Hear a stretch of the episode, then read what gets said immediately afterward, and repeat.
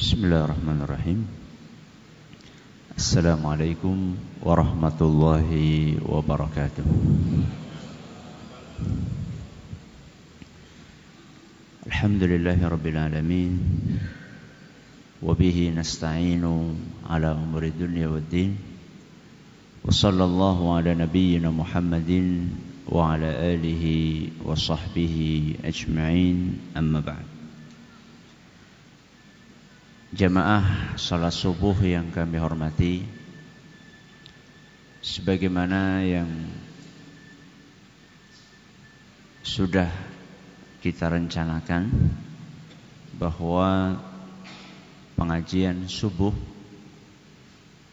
Sabtu ketiga Adalah tentang Fikih Asma'ul Husna Berusaha untuk memahami nama-nama Allah yang mulia. Hari ini kita akan membahas sebuah nama yang kita butuhkan setiap hari di dalam kehidupan kita. Bahkan setiap detik nama ini kita butuhkan. Bahkan bukan hanya di dunia. Di akhirat pun kita masih butuh nama ini. Yaitu sebuah nama yang disebutkan di dalam Al-Quran dua kali. Nama Allah Azza wa Jal Al-Hadi. Kenapa? Al-Hadi. Apa artinya Al-Hadi?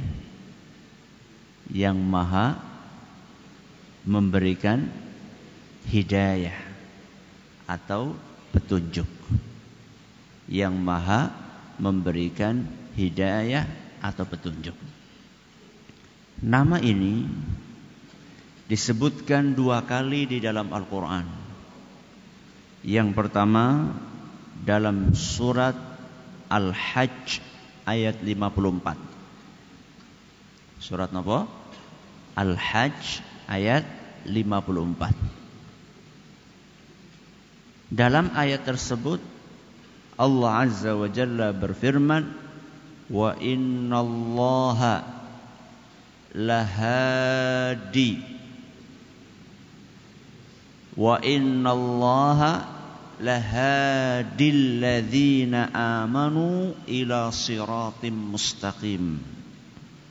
Sesungguhnya Allah dialah yang maha memberikan petunjuk untuk orang-orang yang beriman agar mereka meniti jalan yang napa siratul mustaqim?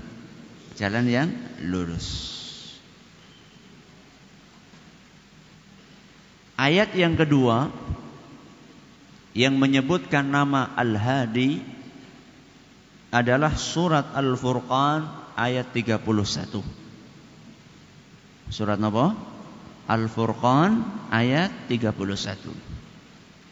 Dalam ayat itu Allah Azza wa Jalla berfirman wa kafa billahi hadiyan wa nasira yang artinya cukup Allah Subhanahu wa taala sebagai pemberi petunjuk dan sebagai penolong. Cukup. Enggak, kalau sudah cukup berarti enggak perlu yang lainnya. Wa kafa billahi. Cukup Allah sebagai satu-satunya yang memberikan petunjuk dan yang menolong kita. Apa arti dari Al-Hadi? Ketika kita bicara masalah hidayah, selalu konotasi yang ada di benak kebanyakan kita adalah hidayah dalam urusan ukhrawi. Oh, kayak wis oleh hidayah. Wingi ora salat siki apa? Salat. Oh, kayak wis oleh hidayah, wingi ora kudungan siki kudungan. Oke wis oleh hidayah wingi urung mlebu Islam siki wis mlebu Islam. Di benak kebanyakan kita hidayah itu konotasinya sesuatu yang sifatnya ukhrawi. Padahal sebenarnya hidayah itu lebih luas cakupannya dibandingkan itu. Karena hidayah itu bermacam-macam. Satu, hidayah yang sifatnya umum. Kenapa? Hidayah yang sifatnya umum. Umum itu maksudnya apa Ustadz? Semuanya dapat. Sing sholat, sing ora sholat sing kudungan sing ora kudungan sing agama Islam sing udu Islam mereka semuanya dapat hidayah nomor satu ini yaitu hidayah yang sifatnya apa? umum apa itu Ustaz? Bahkan bukan hanya manusia, binatang pun mendapatkan hidayah jenis yang nomor satu ini. Apa itu Ustaz? Hidayah yang sifatnya umum adalah hidayah petunjuk dari Allah kepada para manusia untuk menemukan hal-hal yang bermanfaat buat mereka dalam urusan dunia. Apa yang bermanfaat? Makan, Sing pinter golek duit apa wong Islam tok? Dijawab. Sing pinter golek duit apa wong Islam tok? Non muslim pun pinter nyari duit. Itu petunjuk atau bukan? Petunjuk. Siapa yang ngasih? Allah Subhanahu wa taala. Bahkan sejak kita lahir sudah dikasih petunjuk sama Allah untuk mencari rizki. Rizki ini bayi nopo?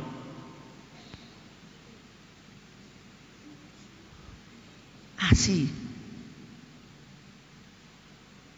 Apa pernah jenengan ngasih kursus kepada bayi jenengan kepriwe carane apa? Nenen. Pernah? Gak pernah.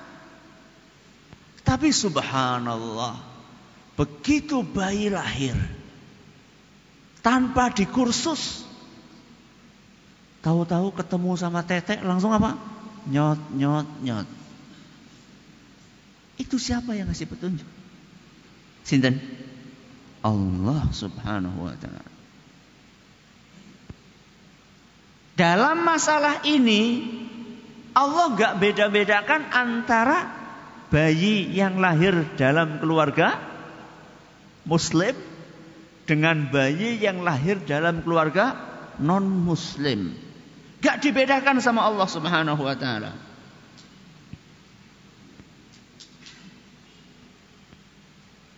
Termasuk ketika kita sudah mulai besar. Kita bisa mencari rizki, kita bisa berbisnis, ini semua petunjuk yang sifatnya umum. Termasuk binatang. Semut yang nggak punya ijazah saja bisa menemukan apa? Makanannya. Berjalan sekian puluh meter. Kalau sekian puluh meter dalam hitungan semut dibandingkan kita berarti sekian puluh nopo kilometer kan ya. Kalau semut sama kita kan besar siapa? Besar manusia. Kalau semut sudah berjalan dari sini ke sana, itu menurut ukuran manusia berapa kilo? Dia akan mencari ke mana makanan. Musim hujan dia bisa menemukan makanan.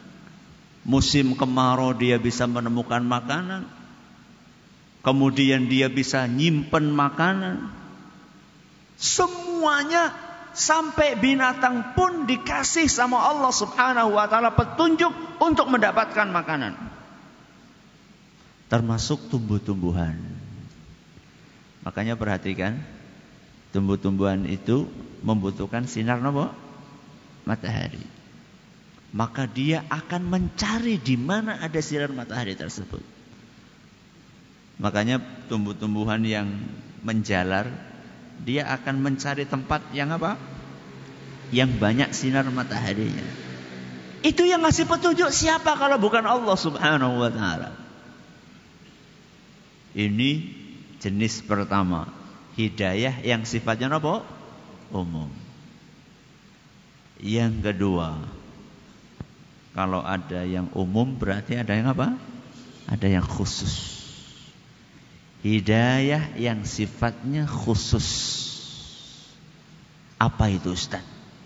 Hidayah untuk menerima kebenaran. Hidayah untuk menerima kebenaran. Dan ini khusus hanya untuk manusia-manusia pilihan. Mudah-mudahan kita termasuk golongan tersebut. Ya. Untuk menerima petunjuk dari Allah Subhanahu wa taala. Untuk dibuka hatinya mau ngaji.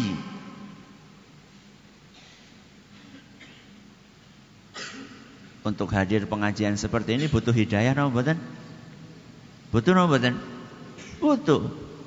Kalau kita nggak dikasih hidayah sama Allah, kita nggak mau hadir ke sini. Dan hanya manusia-manusia pilihan. Biasanya kalau manusia pilihan sedikit apa banyak? Sedikit. Masya Allah, memang betul ya, sedikit ya. kalau nggak dipilih, itu penuh ini. Kalau nggak, nggak dipilih. Akan tetapi memang itu pilihan dari Allah Subhanahu Wa Taala. Bahkan di dalam Al-Quran Allah subhanahu wa ta'ala berfirman Walau sya'allahu lahadan nasa jami'a. Kalau Allah berkehendak Maka semua manusia dapat hidayah. Itu kalau napa? Allah berkehendak. Tapi Allah nggak berkehendak. Makanya yang dapat hidayah hanya sebagian manusia Kok enggak semuanya Ustaz? Ya iya toh. Liyamizallahu al-khabitha minat tayyib. Supaya dibedakan antara yang baik dengan yang tidak baik. Ya. Agar ketahuan siapa yang benar-benar serius ingin mendapatkan hidayah dengan orang yang main-main. Agar ketahuan orang-orang yang mau berjuang untuk membuka kelopak matanya dan melangkahkan kakinya ke masjid dengan orang yang tidak mau membuka kelopak matanya dan tidak mau melangkahkan kakinya ke masjid. Membuka mata itu butuh perjuangan oh betul? Wah, perjuangan itu. Lebih berat daripada ngangkat nopo? Barbel. Padahal kelopak mata sama barbel berat mana? Kalau Pak Mata niku pinten kilo toh? Pinten kilo? Setengah? Satu gram. Satu gram. Kalau satu kilo berapa gram? Seribu gram. Tapi yang nawong bisa ngangkat barbel sepuluh kilo. Sepuluh kilo berarti pinten gram? Sepuluh ribu gram. Tapi kurang ngangkat apa? Kelopak mata sing abote segram ora ora kuat. Wonten? Wonten apa wonten? Boten wonten, kathah. Bukan wonten, kathah. Itu baru membuka mata, belum melangkahkan kakinya. Alhamdulillah di negeri kita ini hampir setiap RT ada apa? Masjid musola langgar. Bahkan kadang-kadang satu RT ada lebih dari musola satu, bisa dua, bisa tiga. Berarti jarak antara rumah dengan masjid itu dekat nopo jauh? Dekat. Malah kadang-kadang wonten sing tanggane nopo? Masjid. Berarti cuma tinggal Cirolu. Tiga langkah. Tapi sudah kayak gitu ya nggak ke masjid. Kalau disuruh mendaki Gunung Slamet, kuat napa mboten? Kuat. Pinten kilo niku? Ya tergantung Ustaz yang main nang anak ya Loh, kalau misalnya dari Purbalingga ke Gunung Slamet atau dari Banyumas ke Gunung Slamet atau dari Banjarnegara atau dari Cilacap ke, ke Gunung Slamet, kuat. Dan jalannya terjal. Harus mendaki supaya bisa ngelihat nopo sunrise atau sunset. Kalau sudah ngelihat sunrise marme pol. Wah, ngelihat sunrise. Terus nek wis deleng sunrise mlebu surga. Ustaz jangan gitu Ustaz.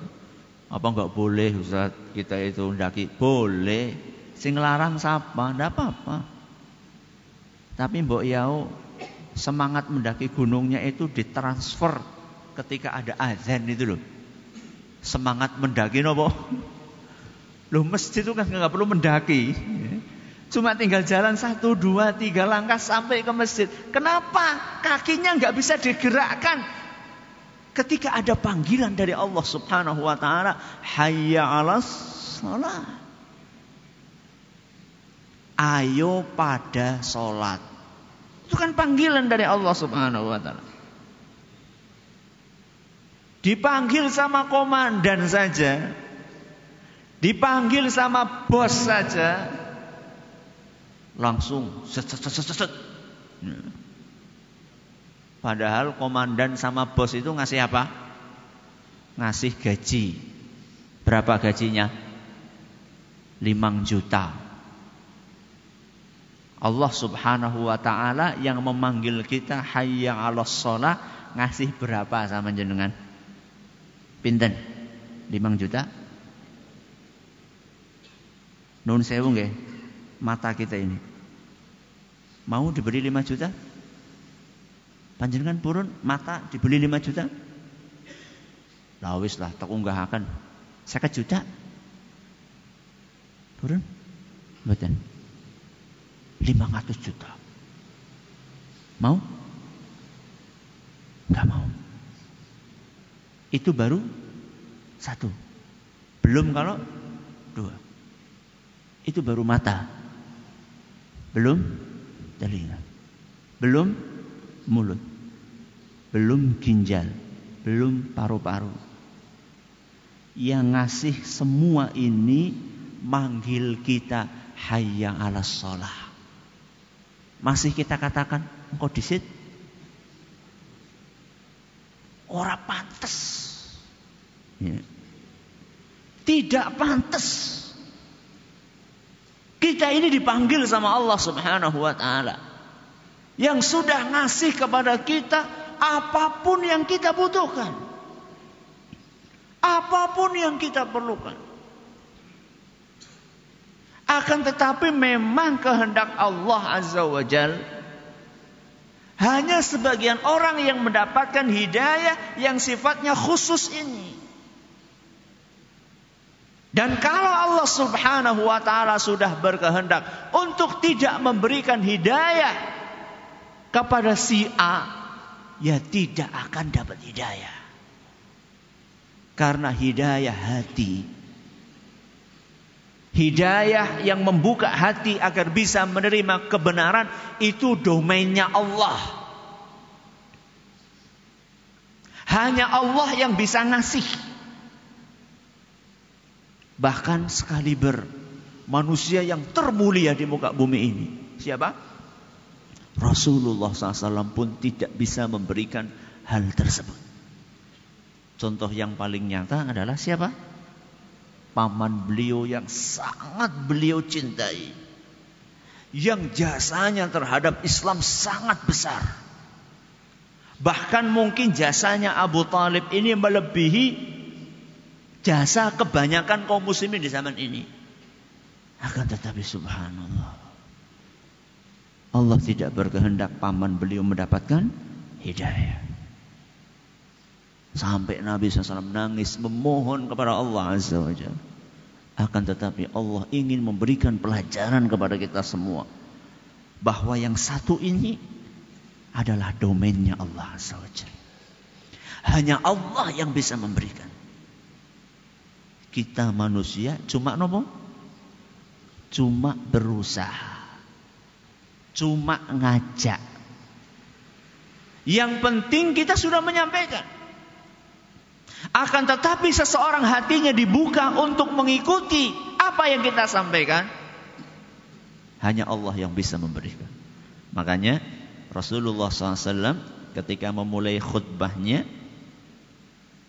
di antara kalimat yang beliau baca mayyahdihillahu napa fala mudhillalah terus wa mayyudlil fala hadiyalah napa artinya Mayyahdihillahu. Siapa pun yang dikasih petunjuk sama Allah. Fala mudillalah. Tidak ada yang bisa menyesatkan dia. Sebaliknya, wa mayyudlil barang siapa yang Allah sesatkan fala hadiyalah. Tidak ada yang bisa memberikan petunjuk. Orang yang diberi petunjuk dan Allah menghendaki orang ini mendapatkan petunjuk, tidak akan ada yang bisa menghalangi. Ingat kisahnya seorang musyrik pada zaman Nabi SAW. Seorang petinggi, seorang petinggi suku atau kaum musyrikin saat itu. Rumahnya jauh dari Mekah. Suatu saat dia pergi ke Mekah dan di Mekah saat itu sedang muncul Nabi kita Muhammad SAW yang pengikutnya setiap hari semakin apa? Semakin bertambah. Maka para pembesar musyrikin Quraisy pun mereka khawatir. Ini jangan-jangan ini kalau sampai dengerin Al-Quran yang dibaca sama Muhammad, jangan-jangan ini masuk Islam bahaya ini. Ini pemimpin suku ini. Kalau sampai masuk Islam, apa yang terjadi? Nanti anggota masyarakatnya bakal masuk Islam semua ini bahaya ini. Maka begitu masuk kota Mekah langsung ditemui sama orang-orang musyrikin Quraisy. Awas, hati-hati, bahaya. Ki tukang sihir gitu temenan gitu. Sekali mendengarkan kamu akan terpengaruh. Terus diprovokasi sampai betul-betul muncul di dalam hatinya perasaan iya Muhammad ini berbahaya.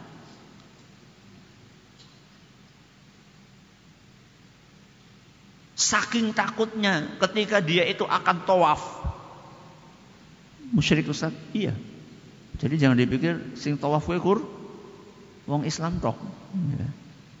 Dia akan tawaf. Ketika akan tawaf di sekeliling Ka'bah, dia tahu, oh, kaya sing jenengane siapa? Muhammad. Lagi Nabi kita Muhammad SAW lagi sholat baca Al-Quran. Maka begitu dia akan tawaf, cepet-cepet dia ngambil apa? Ngambil uh, kapuk, ya, kapas. Kemudian dia tutup telinganya ini sing rapet banget. Supaya apa? Supaya nggak dengar. Takut kalau dengar nanti kena sihir, terpengaruh sama ayat yang dibaca sama Muhammad. Akhirnya dia terus mutar. Memang nggak dengar. Tapi subhanallah, Allah berkehendak. Ada satu potong yang apa? Yang masuk. Satu potong ayat masuk ke telinganya. Dan begitu masuk ke telinga, langsung turun ke hati. Dia bilang, oh ini tuh yang dibaca sama Muhammad. Maka dia pun kemudian berkata kepada dirinya sendiri. Aku ini kan orang pinter. Aku ini kan manusia cerdas. Aku ini bisa membedakan mana yang baik, mana yang buruk. Apa sih salahnya tak dengarkan saja? Kalau baik ya bisa saya ikuti, kalau jelek tinggal saya tinggalkan. Akhirnya dia lepas itu apa? Kapas. Kemudian datang langsung kepada Muhammad. Muhammad, ya, ini saya pas datang ke sini orang-orang pada ngomong kamu gini gini gini gini. Kamu bahaya, kamu tukang sihir. Tapi tadi ketika aku lewat sudah saya pakai kapas ada yang masuk ke telinga saya dan kelihatannya nggak ada masalah apa yang kamu baca ini. Dan saya pengen dengar langsung apa yang Allah turunkan kepadamu. Yang kamu katakan itu diturunkan sama Allah. Akhirnya Nabi kita SAW membaca ayat-ayat Al-Quran. Begitu mendengarkan apa yang disampaikan oleh Rasul SAW, orang ini mengatakan, ini bukan omongan manusia ini. Ini bukan omongan manusia. Ini pasti dari yang maha kuasa. Akhirnya masuk Islam. Bersaksi bersyahadat asyhadu an la ilaha illallah wa annaka rasulullah. Orang suku Quraisy musyrikin Quraisy berusaha menghalangi orang ini supaya mendapatkan hidayah. Tapi Allah berkehendak orang ini dapat hidayah. Dan saya yakin di zaman kita ini pun juga seperti itu. Banyak orang berusaha menghalangi manusia dapat hidayah. Aja ngaji ngana bahaya. Aja ngaji mana bahaya. Awas hati-hati. Akan tetapi hidayah dari Allah gak bisa dihalangi. Mayyahdihillahu fala mudhillalah. Ini hidayah jenis keberapa? Kedua.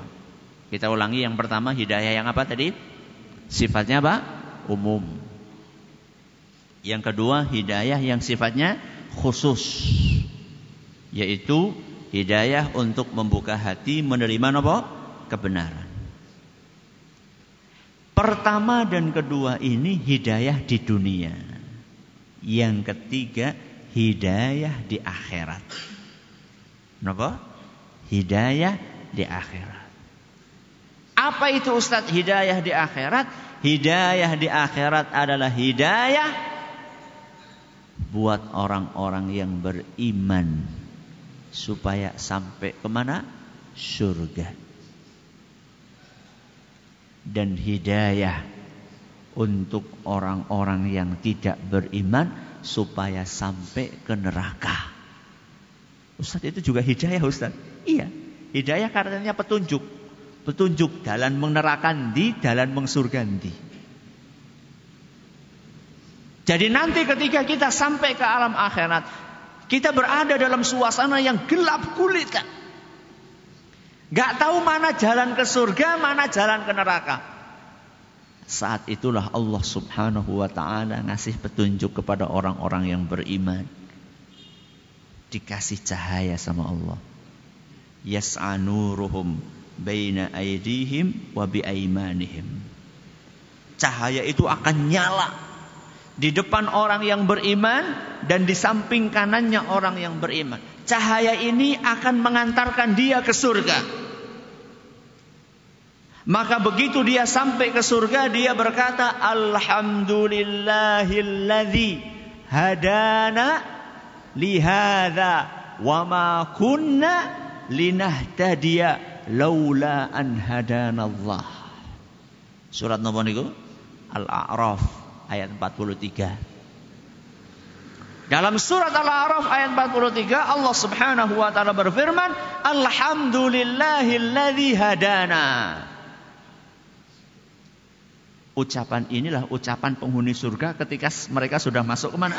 Surga. Alhamdulillah. Segala puji bagi Allah. Alladzi hadana. Yang telah memberikan hidayah kepada kami Lihada untuk ini. Untuk sampai ke mana?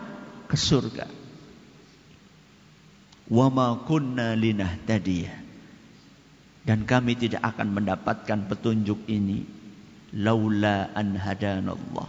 Kalau bukan karena apa? Petunjuk dari Allah Subhanahu wa taala. Jadi orang yang beriman nanti di akhirat akan dibimbing oleh Allah Subhanahu wa taala, akan dituntun oleh Allah supaya sampai ke surga. Ini jalannya lewat sini. Setelah berjalan akan lewat nopo? jembatan. Jembatan ini cara ngelewatinya seperti ini dan itu bukan pakai kursus. Bukan pakai apa? Kursus. Jadi jenengan mau latihan di dunia, latihan nganggo pring disit. Nganggo persiapan apa?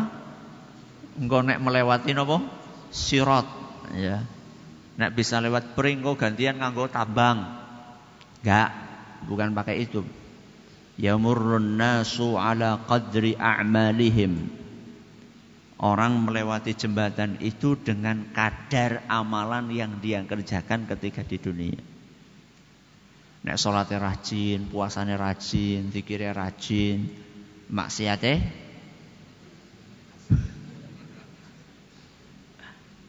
rajin ditinggalkan maksudnya. Kalau itu dilakukan, paminhum man yamurru kal barq ada di antara mereka yang lewat jembatan itu seperti kilat. Kilat niku pripun? Mak slurut. Wis kudul. Yen dene sing salate mempeng tepat waktu, ora tau telat, ya. Urung azan wis mangkat, ya. Bar salat ora langsung menyat. Zikir dulu. Ditambah sholat sunnah.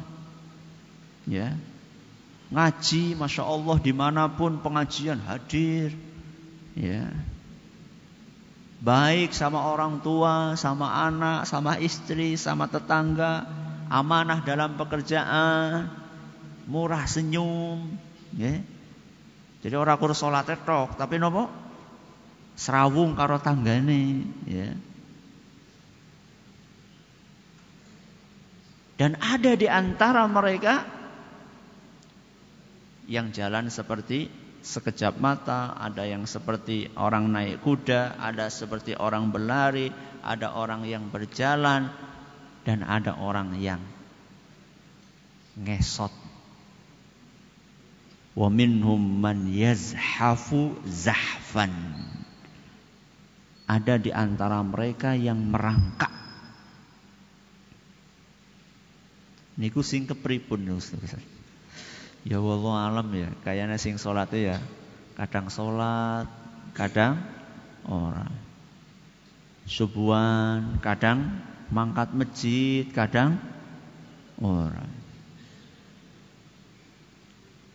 Mangkat kerja kadang jam itu, kadang jam sanga. Ustaz gue apa termasuk? Ya iya. Itu kan kaitannya dengan amanah. Kaitannya dengan sifat apa? Amanah. Kadang baline jam siji, kadang jam 10 wis bali. Padahal bukan waktunya pulang kasih. Ya.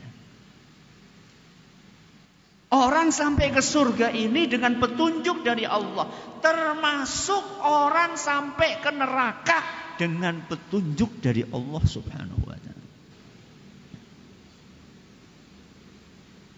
Makanya ketika Allah bercerita tentang penghuni neraka dalam surat As-Saffat ayat 23 Allah berfirman fahduhum ila siratil jahim kasih mereka hidayah untuk sampai ke neraka. Subhanallah. Hidayah di sini maksudnya apa? Petunjuk. Bok bingung jalan menerakan di gigi lihat gini gigi. Bok kesasar. Ya. Nauzubillahi min min dzalik. Dan mereka nanti akan ikut sesembahannya. Orang-orang yang memang jatahnya masuk neraka akan ikut sesembahannya. Patungnya melaku mengdi, meng neraka ya melu meng neraka. Kerise untuk untuk untuk untuk. meng neraka ya saya ya melu melu keris. Ya. Ana blus bleng mlebu neraka. Ya. Setiap yang menyembah selain Allah akan mengikuti sesembahannya. Ya. Sing nyembah watu ajaib kae lho sing celup-celupakan banyu kae lho. Jadinya obat segala apa? Macam penyakit ya. Kanker bisa pakai batu itu, celup, blus. Ngana melu ngana. Ya. Nauzubillahi min min dzalik. Tiga jenis hidayah. Yang pertama adalah hidayah yang sifatnya umum untuk mengetahui rizki kita di mana, apa yang baik buat kita. Yang kedua eh, yang kedua hidayah yang sifatnya apa? Khusus. Ini adalah untuk membuka hati menerima apa? Kebenaran. Dan yang pertama dan kedua ini di mana? Di dunia. Yang ketiga hidayah di akhirat, yaitu hidayah petunjuk buat orang yang beriman supaya sampai ke mana? Surga dan buat orang yang tidak beriman supaya sampai ke neraka. Mudah-mudahan kita mendapatkan semua jenis hidayah ini. Dan yang ketiga supaya kita sampai ke surganya Allah Azza wa Jal. Inilah sedikit makna dari kandungan nama Allah Al-Hadi. Insya Allah pada pertemuan berikutnya kita akan membahas nama-nama Allah yang lainnya. Semoga bermanfaat. Terima kasih atas perhatiannya. Mohon atas segala kurangnya. Kita tutup dengan membaca subhanakallahumma wa bihamdika. Asyhadu an la ilaha illa anta. Astaghfiruka wa atubu ilaik. Assalamualaikum warahmatullahi wabarakatuh